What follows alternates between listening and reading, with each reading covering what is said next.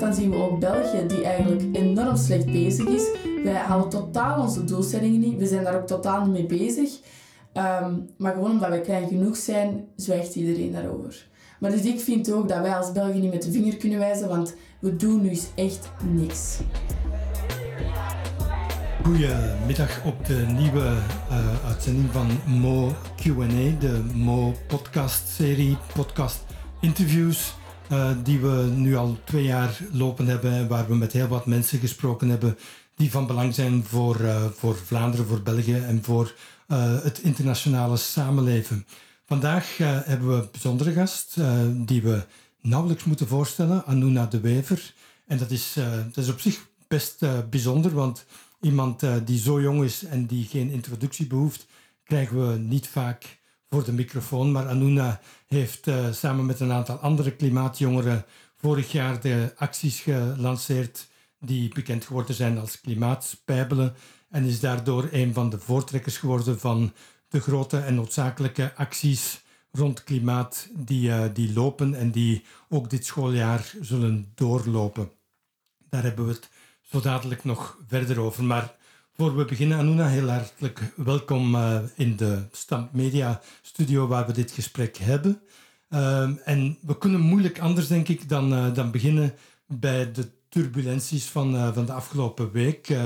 we zijn een week na Pukkelpop en daar hebben zich heel wat onregelmatigheden afgespeeld, om het zacht uit te drukken. er komt ook een proces van. Maar misschien uh, moet jij eens heel kort in een paar zinnen proberen weer te geven, nog eens neer te zetten. Wat is er eigenlijk gebeurd op Pukkelpop? Ja, voilà. Dus uh, we waren uh, met Balthazar in naam van Club for the Climate gingen we deze zomer alle festivals af om dat te doen. Omdat dat een Viking Club is met heel het publiek en we filmen dat dan, we maken daar clipjes van. En Pukkelpop was het zesde festival waar we naartoe gingen. En vanaf dat um, wij op het podium kwamen staan, werden we door een deel van het publiek heel hard uitgejouwd. En ehm, daarna, na Pukkelpop, na, na het optreden, uh, zijn we op Pukkelpop zelf ook nog lastig gevallen. En um, zijn er jongens heel agressief komen doen um, op onze camping, et cetera. En dus zelfs... Uh, allee, is echt wel een hele grens overschreden. En, en als jij op het podium gaat uh, met, met iets wat je al vaker gedaan hebt en plots is daar een groep die je begint uit te jouwen, hoe ga je daar zelf mee om?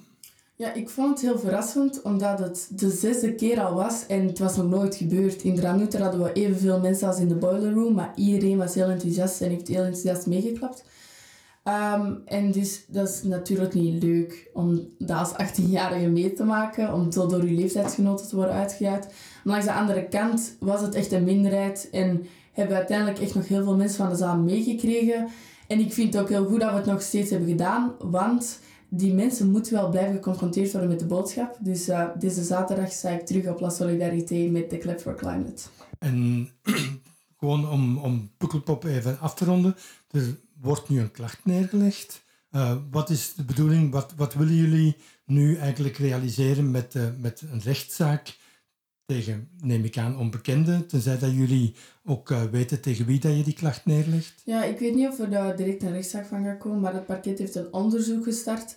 En uh, wij en ook onze ouders willen als boodschap ook duidelijk zeggen van dit is niet oké, er is een grens overschreden.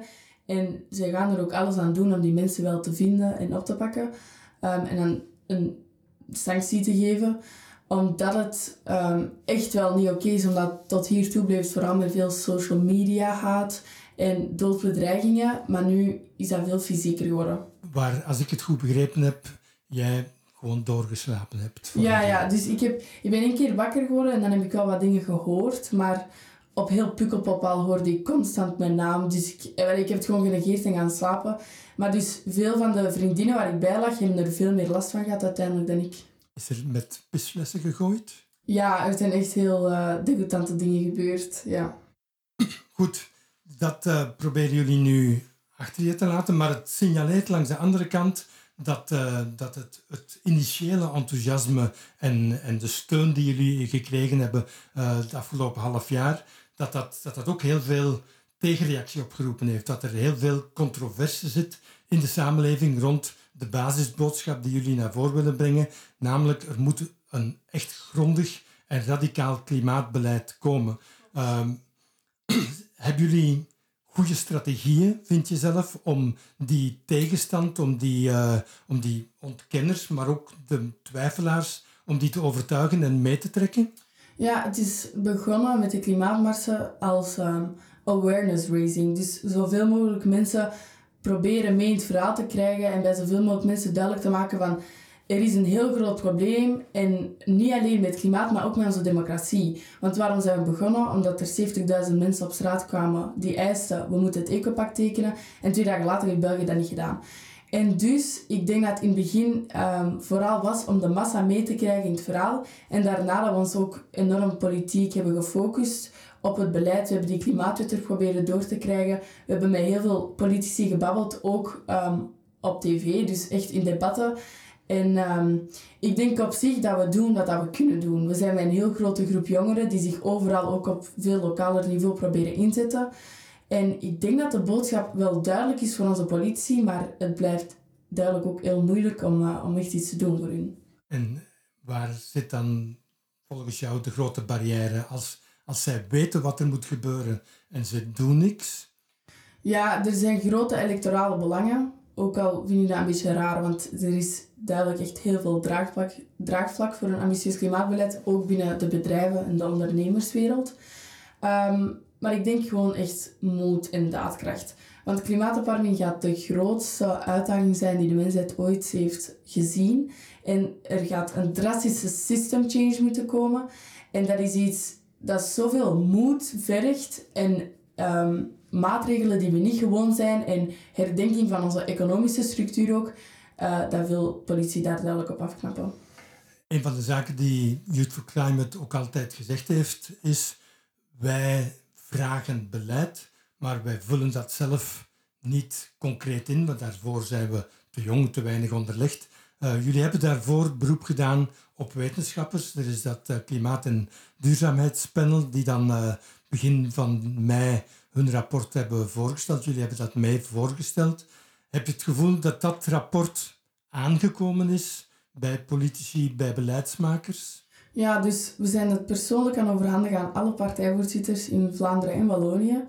Um, maar momenteel zien we er niks van terug. Dus we hebben, ze zijn nu bezig met de regeringsvorming, maar er, wordt niet meer echt over klimaat gebabbeld. En we zien ook geen politie die zeggen, ah ja, dit en dit wat erin staat, we gaan dat toepassen.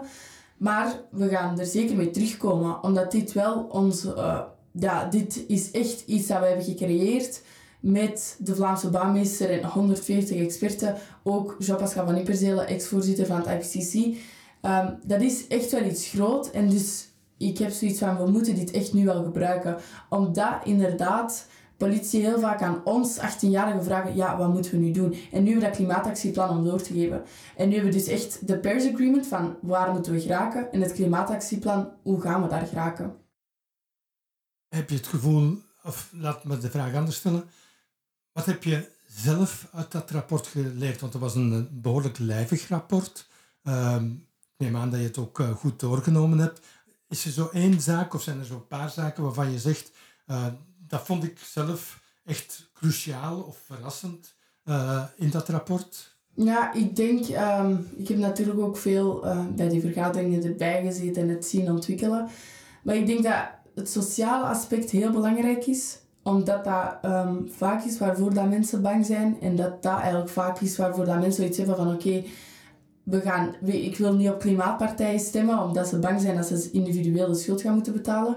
Wat dat absoluut niet zo is. En ik hoop dat dat ook duidelijk is kunnen worden in dat uh, klimaatactieplan. En de, de energietransitie, de overzet van uh, fossiele brandstoffen naar groene energie. Ik denk dat dat uiteindelijk het belangrijkste gaat zijn. Want als je klimaatopwarming reduceert naar waar dat het in de kern echt over gaat, is het het feit dat fossiele brandstoffen de wereld uit moeten. Maar daar maken we weinig vooruitgang in. Daar maken we zeer weinig vooruitgang in.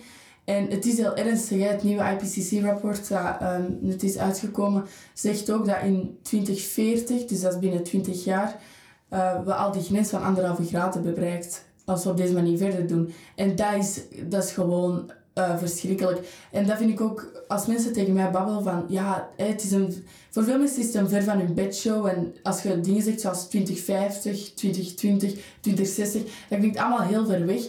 Maar uh, dat is nu aan het gebeuren. En met de dag wordt het erger. Het is niet dat wij zo op deze manier gaan kunnen leven en dan in 2050, boom, ineens wordt het erg.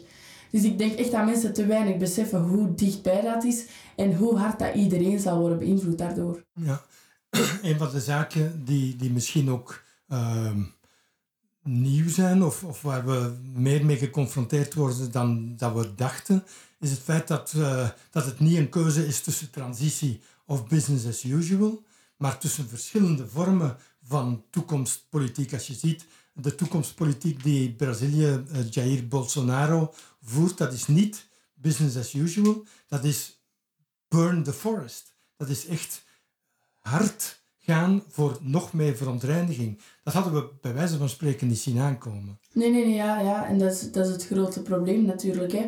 Want zoals de Braziliaanse president, die ziet het Amazonewoud niet als de longen van de planeet en een bos dat 20% van de zuurstof voor deze planeet voorziet. Die ziet dat gewoon als een heel groot economisch voordeel van zijn land. En ik vind het ook echt heel ernstig dat dat hij eigenlijk alles daarover te zeggen heeft, in plaats van dat dat veel internationalere beslissing zou moeten zijn, omdat Amazonewoud zo'n grote invloed heeft op, uh, op de hele wereld. Maar dus ik denk echt um, dat onze wereldleiders ook een heel grote mentaliteitswijziging gaan moeten inzien. En heel die sky's the limit mentaliteit heeft ons hier gebracht en we gaan een stapje terug moeten nemen. Want dan wordt het meteen de vraag van hoe doe je dat op een rechtvaardige manier. Hè? Je zegt daar net zelf, uh, uh, het sociale aspect is cruciaal om het draagvlak te vergroten en om, om het haalbaar te maken. Ehm, daar blijken heel snel problemen te zijn. En het is ook heel makkelijk om mensen te mobiliseren als je de afgelopen week opnieuw Jean-Marie de Dekker hoort, die elke bedenking bij de auto afdoet als een antisociale maatregel, dan lijkt, het, uh, dan lijkt het toch een hele moeilijke strijd die jullie nog moeten strijden. Ja, dat is echt um, dat is enorm. En um, het probleem is ook dat dat heel veel mensen bang maakt en weerhoudt van zich eigenlijk in te zetten voor het klimaat. Maar het ding is, het gaat hier wel over een system change en iedereen gaat moeten veranderen. Maar denken dat je dat individueel gaat moeten dragen, dat klopt gewoon absoluut niet. Uiteindelijk gaat de grote vervuiler moeten betalen, gaan de multinationals hiervoor moeten opdraaien. En allee, ik, ik denk persoonlijk dat we echt uh, planetaire grenzen gaan moeten stellen op de economie. Een beetje de donut-economie. Ik denk dat dat de manier is om hiermee om te gaan, omdat ik ook denk dat armoede en uitgebreide inequality eigenlijk een hele grote oorzaak is van de klimaatopwarming. Als jullie zeggen de, de, de wereldleiders moeten zich beter bewust worden van de enorme uitdaging en de, en de groeiende schade die de klimaatopwarming al uh, veroorzaakt, dan, uh, dan zeg je eigenlijk ook, er moet internationaal afgesproken worden. Je verwees daar straks al naar het Parijsakkoord, uh, dat onder toenemende druk staat. Trump wil er vanaf, Bolsonaro wil er vanaf, ook anderen zijn er niet goed mee bezig om het zacht uit te drukken. Ehm, straks komt er in New York een klimaattop aan in september en dan in, uh, in november in, in Chili. Verwachten jullie iets van die internationale bijeenkomsten? Ja, ik hoop dat, uh, dat de, de, de leiders die uit deze akkoorden willen stappen op het matje gaan worden geroepen door de, door de rest. Omdat het, ze, ze pakken echt hun verantwoordelijkheid niet op, omdat als zij zich uit die akkoorden zetten, dat gaat niet enkel over hun land, dat heeft ook een enorm groot invloed op deze aardbol. En dus het feit dat klimaatskeptici wereldleiders kunnen zijn, dat is echt heel ernstig op deze moment. En dus hoop ik dat, uh, dat andere landen internationaal ook een statement gaan maken van dit vinden wij niet oké en we willen dat jullie jullie verantwoordelijkheid oppakken. Maar langs de andere kant dan zien we ook België die eigenlijk enorm slecht bezig is. Wij halen totaal onze doelstellingen niet. We zijn daar ook totaal niet mee bezig. Um, maar gewoon omdat wij klein genoeg zijn, zwijgt iedereen daarover. Maar dus ik vind ook dat wij als België niet met de vinger kunnen wijzen, want we doen nu echt niks. Maar dat overleg is bedoeld om, om samen vooruit te gaan. Uh, je gaat ook naar Chili gaan, of ja, je gaat naar Chili varen, uh, moet ik zeggen. Uh, wat ga je daar dan doen? Of welke, welke boodschap, welke eis, welke doelstelling heb je eigenlijk met die aanwezigheid? Wel, dus ik ben uh, de klimaatstakingen begonnen Omdat ze op de kop in Katowice het ecopact niet hebben getekend als België. En ik ga nu daar zelf naartoe om te zorgen dat ze het wel gaan tekenen. En voordat wij in Chili gaan, zijn we ook nog twee weken in het Amazonewoud. Om daar um, lokale acties te doen, um, lokale chiefs ontmoeten. Ik ga ook Chief Raoni opnieuw ontmoeten. En uh, daar met onze eigen ogen te zien van wat gebeurt er hier nu eigenlijk, hoe komt dat dat uh, die wetgeving hier zo zit en wat zouden wij kunnen doen, internationaal gezien, om hier meer druk op te zetten. Dus ik denk dat het wel een heel leerrijke reis gaat worden, maar ik hoop op de kop zelf te zien dat België veel ambitieuzer is en dat ze ook op het matje gaan worden geroepen, omdat, um, zoals Bart in zijn startnota zegt, hij zegt, we hebben alle dingen getekend, dus we moeten gewoon verder doen zoals we nu bezig zijn. Maar we hebben veel getekend, maar we doen niks. En dat is heel het, uh, heel het probleem de hypocrisie eraan. Ja, in de startnota staat eigenlijk, we gaan eerst uitvoeren wat we al getekend hebben. Dat zou een mooie stap vooruit zijn. Ja, klopt. Dat is, uh, maar ik zie daar geen verdere planning van. Ook hij en um, hij zei ook migratie is eigenlijk het thema van de verkiezingen. Dat is uh, compleet belachelijk omdat ik zie dat um, rechtse partijen heel, het heel veel hebben over migratie en de vluchtelingencrisis. Maar als je dan klimaatopwarming daar niet in meerekent, doet je alleen aan symptoombestrijding. Omdat de vluchtelingencrisis zal tien keer groter worden als we niets doen aan die klimaatopwarming. Jullie gaan naar, naar Chili met een, uh, met een schoener, uh, een beetje uh, vergelijkbaar met Greta Thunberg, die nu met een zeilboot onderweg is naar, naar New York en daarna doorgaat ook naar, naar Chili. Daar zijn nogal wat bedenkingen bij. Bij. Bij het feit dat jullie weken onderweg gaan zijn, dat jullie met de zeilboot gaan. Was dat een noodzakelijke keuze om dat te doen? Ja, ik denk dat we gewoon voor de meest uh, klimaatvriendelijke keuze hebben gekozen. En we gaan ook in het Amazonewoud de CO2 die we nog uitstoten met die zeilboot ook compenseren. Nu, het is natuurlijk heel jammer, vijf weken onderweg zijn. Um, ik kan mij ook niet super nuttig bezighouden dan voor hier in België het nationale team te versterken. En dat is uh, wel moeilijk. En dat we dat doen om ook een statement te maken van... Het is niet normaal dat... Um, we moeten beginnen investeren in duurzaam reizen. En we, we moeten stoppen met de vlieghavens te subsidiëren. En we moeten ervoor zorgen dat... Allee, we gaan niet op een zeilboot om te zeggen de massa, iedereen moet een zeilboot nemen naar Latijns-Amerika. Maar het is echt een statement om te zeggen het is niet oké dat, dat, dat dat zoveel moeite kost. En ook omdat niemand investeert in energievriendelijke transportmiddelen. We, we zitten nog steeds luchthavens te subsidiëren. De luchthaven in Deurne, hier in België, die loopt al jarenlang verlies en die, die bestaat alleen nog doordat we die subsidiëren. Zo'n dingen kunnen echt niet meer. Youth for Climate en, en jij persoonlijk en Kira en, en, en Adelaide en anderen worden heel vaak aangevallen, aangesproken op uh, persoonlijk gedrag. Uh, ze neemt het vliegtuig, ze neemt het vliegtuig niet, ze gaat met de zeilboot, wie kan dat betalen? Uh, hoe ga je daar eigenlijk mee om? Hoe, hoe luister je daar naar, die kritieken?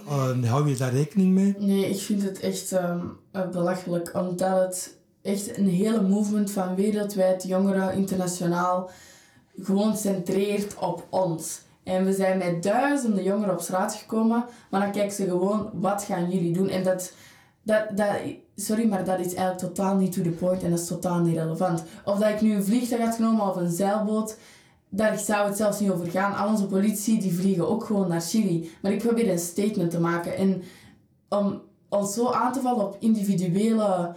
Um, schade aan het klimaat is belachelijk. Want we pleiten voor een system change. We pleiten voor het feit dat iedereen mee zou moeten zijn in dit verhaal. En dat daarom de manier van leven, als je klimaatvriendelijk wilt leven, dat dat veel haalbaarder is. Omdat dat op deze moment gewoon niet is. Dus om dan ons te beginnen aanvallen op dingen die we mogelijkwijs slecht zouden kunnen doen voor het klimaat. Um, ja, daar ben ik niet, niet in mee.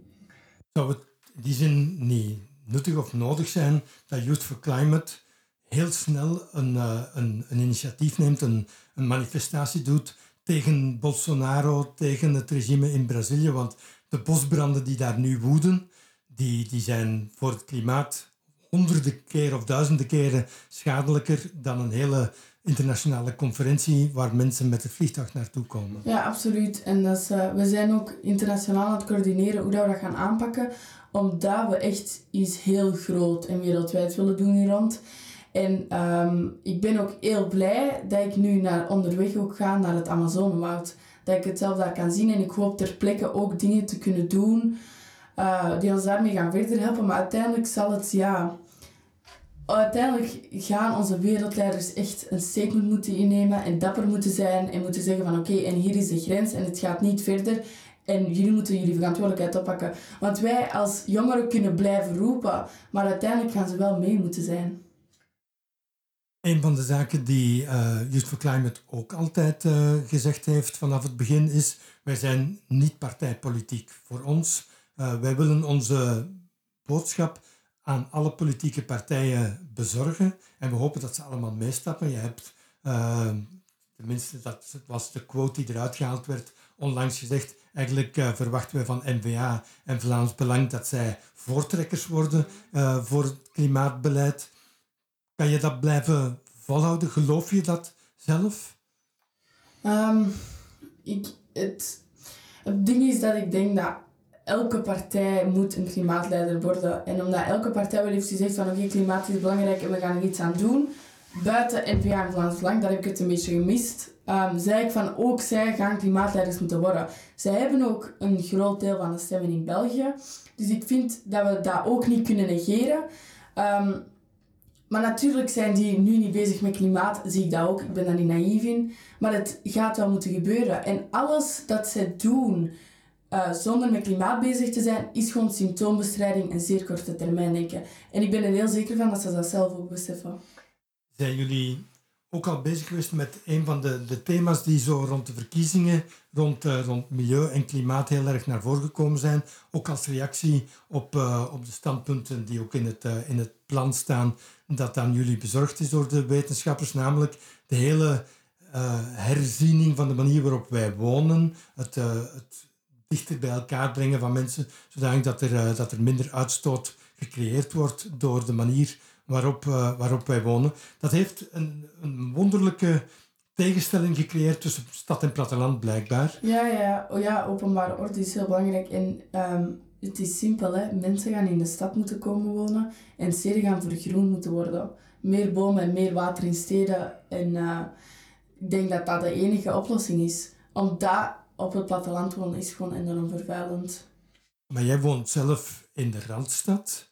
Um, Praat je daar ook over met, uh, met jongeren in de beweging die in kleine plattelandsdorpen wonen en, en zien zij dat ook zo? Uh, nee, um, ik heb daar eigenlijk nog niet heel vaak over gebabbeld met jongeren die, die echt op het platteland wonen. Maar ik denk dat zij dat ook wel uiteindelijk zo gaan. Ik denk dat veel mensen, als zij weten van oké, we moeten in de stad gaan wonen, um, die en die en die redenen, dat dat oké is als de stad leefbaar wordt gemaakt. En momenteel is dat ook nog niet echt. de stad moet veel harder vergroend worden. Projecten zoals Parkspoor Noord, dat zijn de dingen waar dat we op moeten inzetten, zodat de stad ook aantrekkelijk wordt voor mensen om, om in te gaan wonen. Ehm, en ik denk op zich dat mensen daar ook bereid toe zouden zijn. En langs de andere kant denk ik ook, iedereen is altijd heel goed met problemen aankaarten en zeggen van ja maar dit, ja maar dat. Hoe kan het dan anders? Dus we proberen om oplossingen te bieden en alternatieven te bieden, omdat het op deze manier niet verder kan. Natuurlijk is nog niet alles perfect, maar door gewoon te zeggen, ik heb er geen zin in, het gaat niet, dat is minder goed dan daarvoor, ja, zo gaan we er niet geraken. Maar je moet vooruit in de richting van een meer duurzame wereld, uh, en een wereld die, uh, die veel minder eh, CO2 uitstoot en, en accumuleert.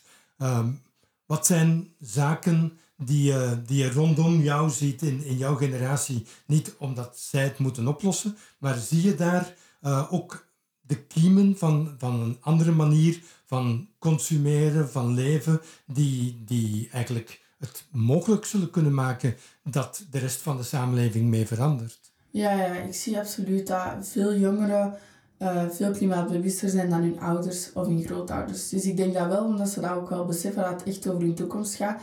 En dat dat de new way of living wordt, one way or another. Dus dat ze sowieso op die manier gaan moeten leven later. En ik zie echt wel veel jongeren zich daaraan aanpassen.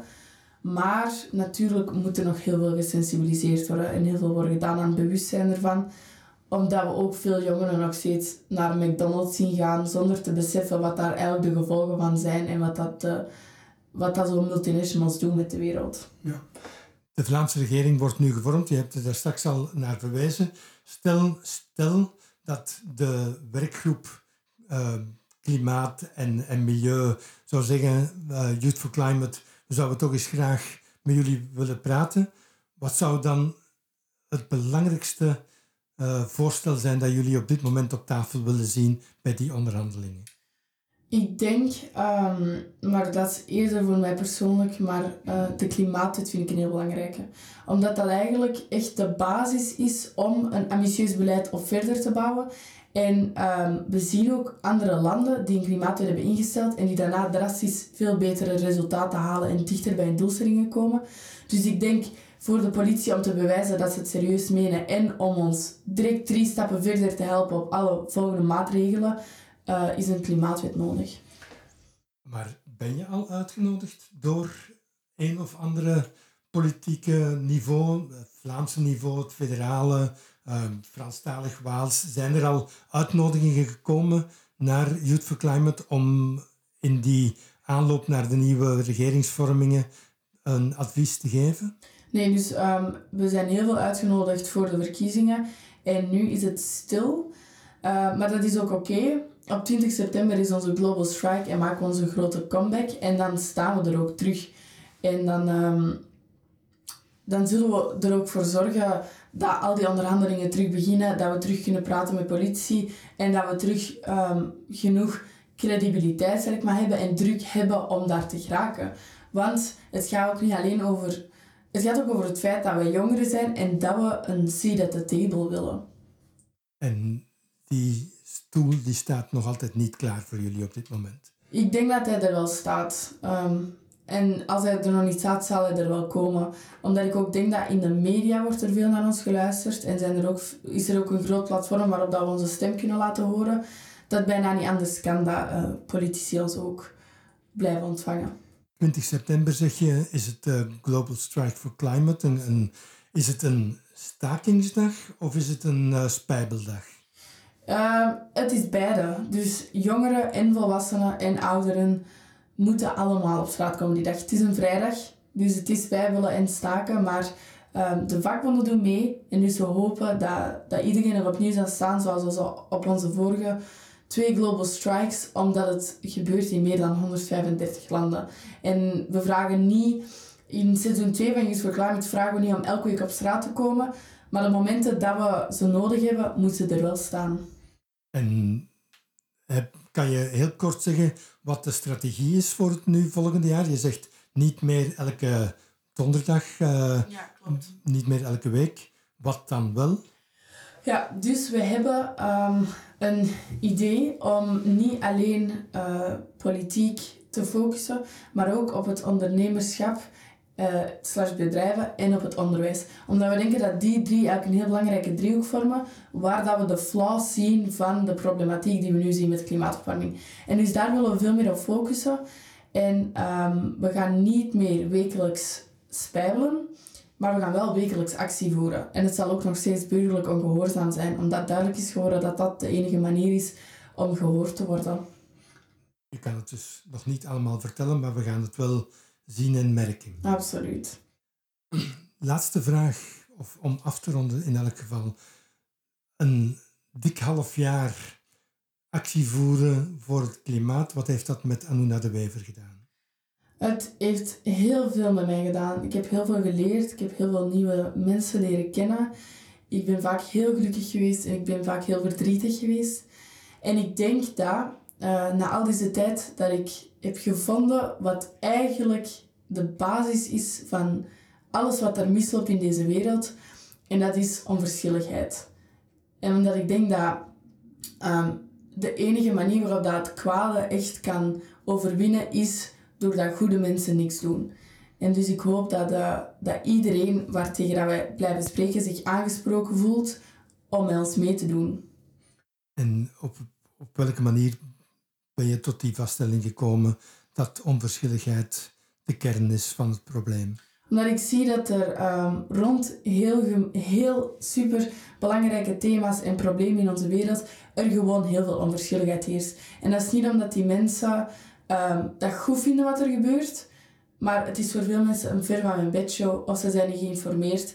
En daarmee gaat het eigenlijk echt de mist in. En ik denk als mensen meer zouden beginnen nadenken, oké, wat is mijn aandeel in dit verhaal? Hoe kan ik mijn verantwoordelijkheid oppakken? Wat kan ik hier aan doen en wat is er aan het gebeuren? Dat er veel meer in gang zou schieten dan, uh, dan nu. Je citeert daar, daarnet min of meer Martin Luther King.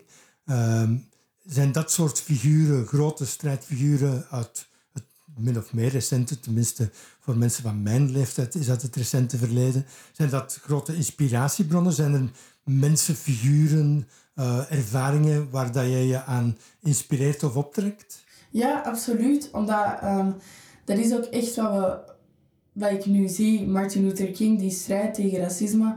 En je ziet dat, um, dat er ook heel veel blanke mensen waren die op zich totaal niet racistisch waren, maar die gewoon een beetje onverschillig waren en dachten, ja oké, dit is het normale, we laten het zo. En doordat er iemand opstaat en zegt, dit is eigenlijk helemaal niet oké en ik wil hier echt even de problemen aankaarten, beginnen mensen na te denken en komt er wel iets in gang geschoten. En mijn mama die zei ook tegen mij, um, de avond na Pukkelpop, die zei, Anuna, je moet eens weten hoe, vaak Martin Luther King is uitgescholden op het podium. Daar had ik ook wel moed uit. Ja, dus het, uh, dat, dat, dat inspireert. Is dat voldoende? Geeft dat ook voldoende kracht om je te blijven verbinden met, uh, met de anderen? Want jij bent het meest publieke gezicht, maar je, sorry dat ik het zo zeg, maar je betekent natuurlijk niks zonder al die andere mensen die mee die acties organiseren. Klopt, ja, ja, en daar ben ik me zeer van bewust. En het gaat ook helemaal niet over mij. Het gaat net over al die mensen die achter mij staan, naast mij staan liever, en mee op, met mij op straat komen. Om, um, het gaat over de massa. En de massa hebben we meegaat. En ik hoop dat we die opnieuw kunnen meedoen. Um, maar om te denken dat inderdaad heel deze beweging rond mij draait, omdat we vaak zo Anuna de Wever in de media zien verschijnen, dat is compleet belachelijk. Ik, ik vertel gewoon een beetje de boodschap en waarmee we bezig zijn. Maar het is net heel belangrijk om in hoofd te houden hoeveel mensen dat er eigenlijk achter staan. Laat ons daarbij houden. We hebben afspraak, als ik het goed begrijp, tenminste op 20 september in Brussel. Um, en we horen dan en we zien wel wat Youth for Climate de rest van het seizoen aan, uh, aan acties in petto heeft. En we kijken uit naar de engagementen die de Belgische regering op internationaal vlak zal nemen, maar vooral naar de engagementen die de verschillende regeringen in België zullen nemen om een ambitieus klimaatbeleid te gaan voeren mm. vanaf nu tot de volgende jaren om ervoor te zorgen dat we een uh, leefbare planeet overhouden voor de youth die nu voor climate is, maar ook voor jullie kinderen later. Ja. Anuna, heel erg bedankt. Bedankt.